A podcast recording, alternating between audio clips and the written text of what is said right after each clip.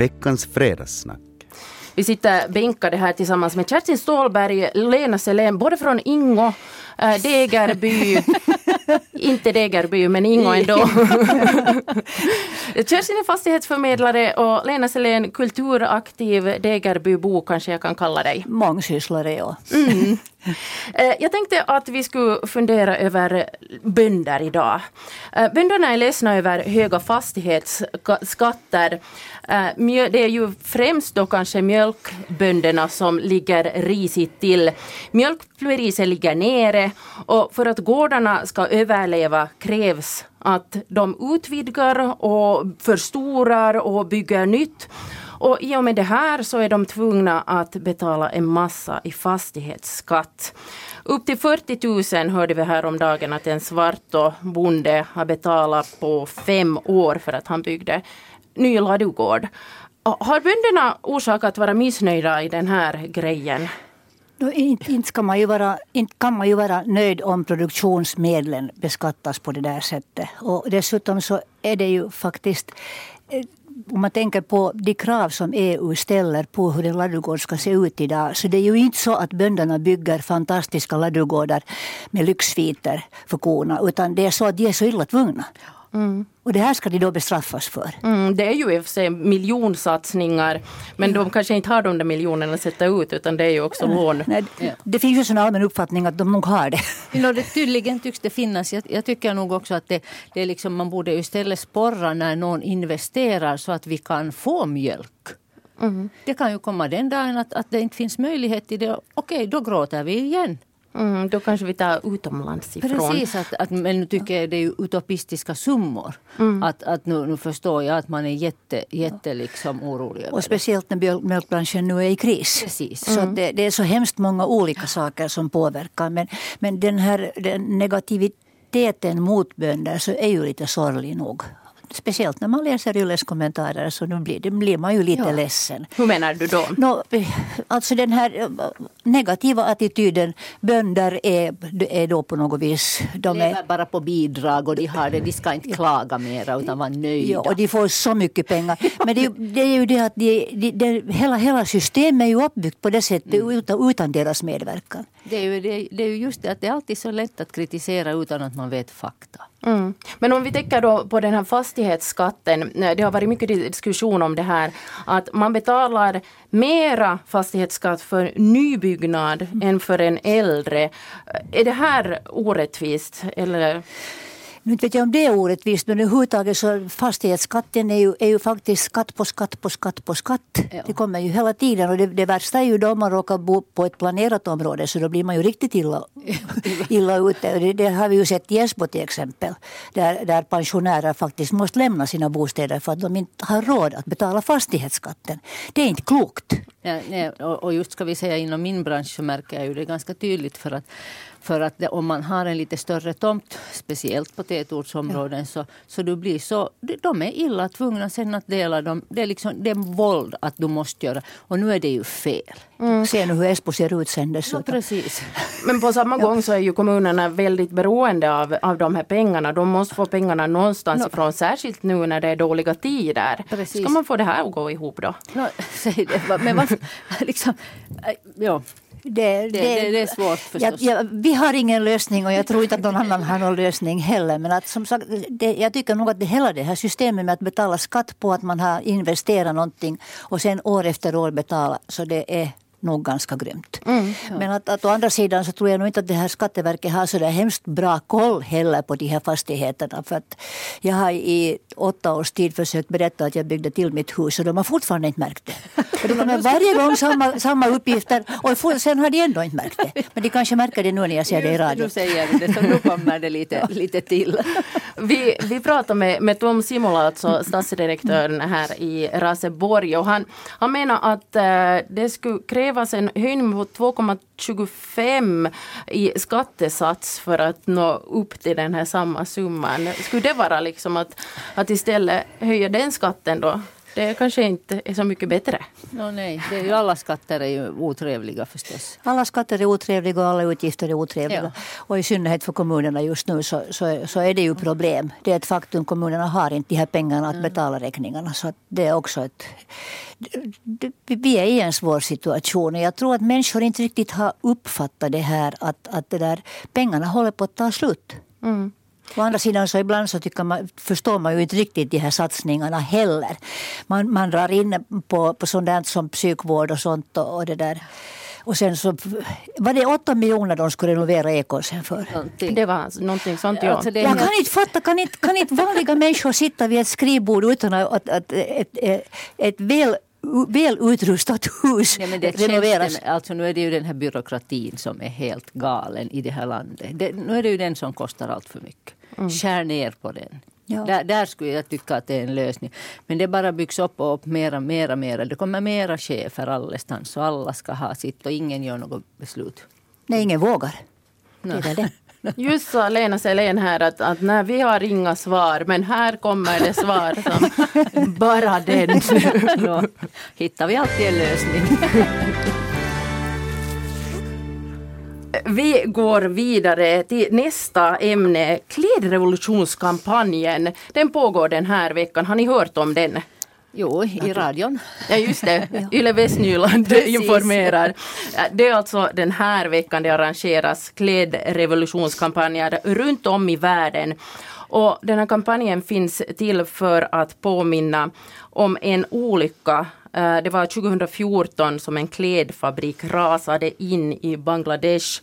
Eh, flera tusen människor dog. Eh, tanken är att lyfta fram klädernas ursprung och få industrin att ta större ansvar för hur kläderna produceras och i hurdana förhållanden de här människorna producerar kläderna. Eh, Tänker ni, ni är ganska lika klädda idag, ni har kavaj Ja, och byxor sådär som de flesta människor.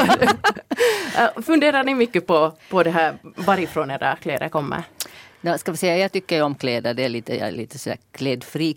Men, men inte, nu måste jag ärligen medge, inte, inte funderar jag på det sättet. Nu tittar jag var de är tillverkade men, men inte, inte väljer jag mina kläder efter det. Det sorgliga är ju att du kan inte köpa så hemskt mycket kläder som är tillverkade i Finland under trygga förhållanden. För att den har allt flyttat, all, all den sortens verksamhet har flyttat till de här billiga. Det här handlar ju inte bara om kläder, det handlar om en massa andra saker också. Eh, Vi har, vi har liksom ökat våra rättigheter för anställda och så vidare, vilket är hemskt bra. Men resultatet är att det ena jobb efter det andra har försvunnit. Och det i synnerhet, gäller i synnerhet klädtillverkningen. Alltså jag, jag är uppvuxen i en tid när man hade oerhört lite kläder, för det fanns inte. Ja. Det var så hemskt enkelt. Hade man en mamma som kunde sy så då kunde man klara sig.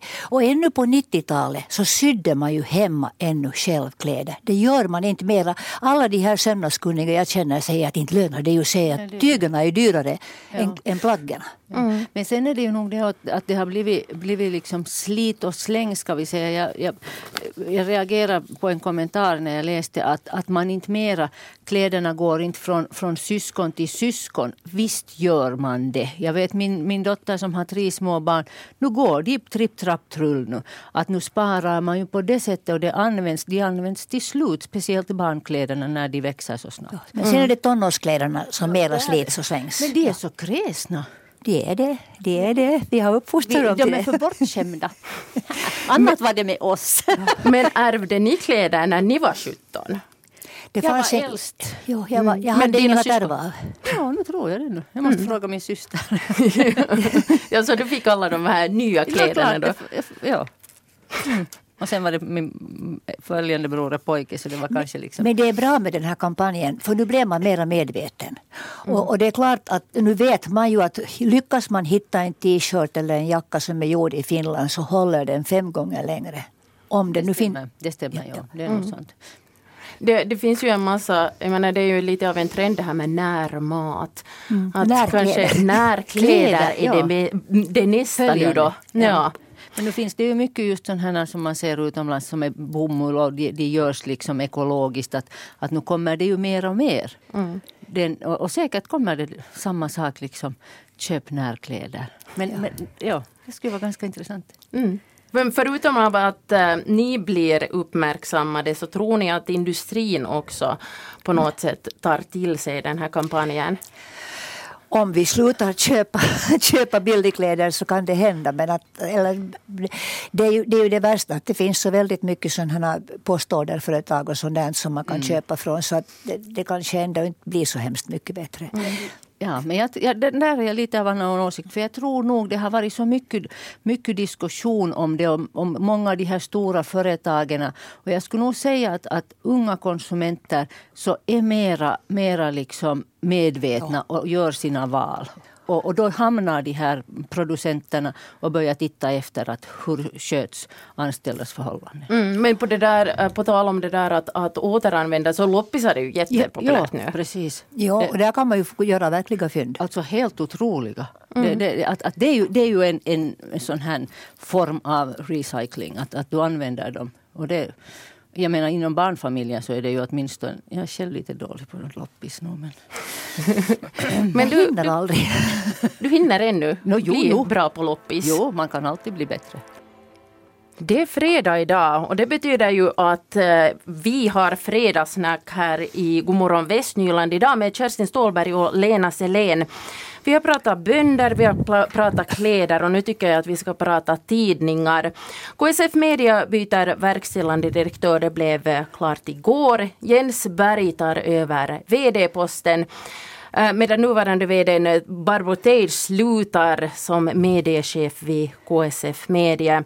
Eh, Berg i en intervju igår så sa han bland annat att det är inte antingen papper eller digitalt som gäller. Det handlar om både papper och digitalt. Och så sa han att nu åtgärdar vi det här med problemet med att det finns samma innehåll i HBL som i de här lokaltidningarna, bland annat tidningen Västra Nyland. Då. Eh, jag undrar just med tanke på det, i hur stor grad har ni reagerat på det här att, att innehållet är samma i de här tidningarna? No, jag medger ärligen att, att jag har för tillfället ingendera. men jag, jag kommer ihåg då, eh, inte nu men lite tidigare när det blev så här, att, att det var ganska irriterande. Jag menar varför ska du ha två tidningar om det står samma sak i dem? Det är ju helt naturligt att i och med att prenumerationskostnaderna är höga så du måste ju då välja den ena. Mm. Så mycket roligare att den ena skulle satsa mera lokalt och Husis till exempel då som är huvudstadsregion, att det skulle vara skilt. Det tycker jag. Alltså jag måste medge att jag är lite jävig i det där fallet. Eftersom jag jag lyckades faktiskt vara några månader anställd i, i KSF Media. Men, men jag, jag säger, det måste för det första så saknar jag oerhört den tiden när vi var konkurrenter, Västra Nyland och mm, Hufvudstadsbladet. Det, ja. det var så roligt att knäppa dem på näsan i Helsingfors. Mm. Ja, men, ja, men, men, samtidigt så, var fick jag reda på det, den här omställningen igår? via Facebook, en länk i Facebook. Ja. Och det visar ju att medievanorna har förändrats något alldeles otroligt. Och om man som nu KSF Media gick in för en omvandling som innebar att man nästan frivilligt sa adjö till 9000 prenumeranter, den siffran hörde jag igår i radion. Ja. Så, så det där, då har man nog satsat någonting fel. Mm. Och, och det där kanske mera brytt sig om på äkta finlandssvenskt vis byråkratin och strukturerna och inte riktigt tänkt på själva arbetet och innehållet. Hur ska man rätta till det här nu då? Det, det är en stor uppgift. Det, det, ja, ja, som sagt, i och med att jag inte känner till hur, hur, den där organisationen, men kanske där är också väl byråkrati. Jag, jag vet inte, men, men att skilj på det här innehållet och gör så som det här. Jag tror att prenumeranterna vill ha det också. Jag tror inte. En förlorad prenumerant är en förlorad prenumerant. Och jag tror inte att Hufvudstadsbladet längre läses av många utanför Ring 3. Mm. Vestis är hundra gånger bättre än Hufvudstadsbladet idag. Just det, ja. det måste jag ju säga förstås, men jag tycker det faktiskt.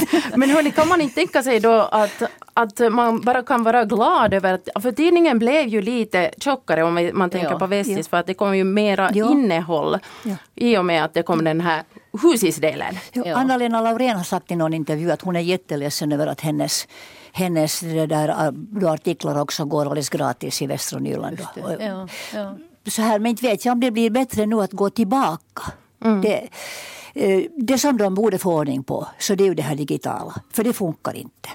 Och jag, jag övergår varje gång jag ska läsa Västra Nyland i, i den där telefonen så övergår jag till Helsingin Sanomat. Det är enklare och när någonting strular så får jag svar ögonblickligen och hjälp. Det får Mm. jag inte från KSF Media.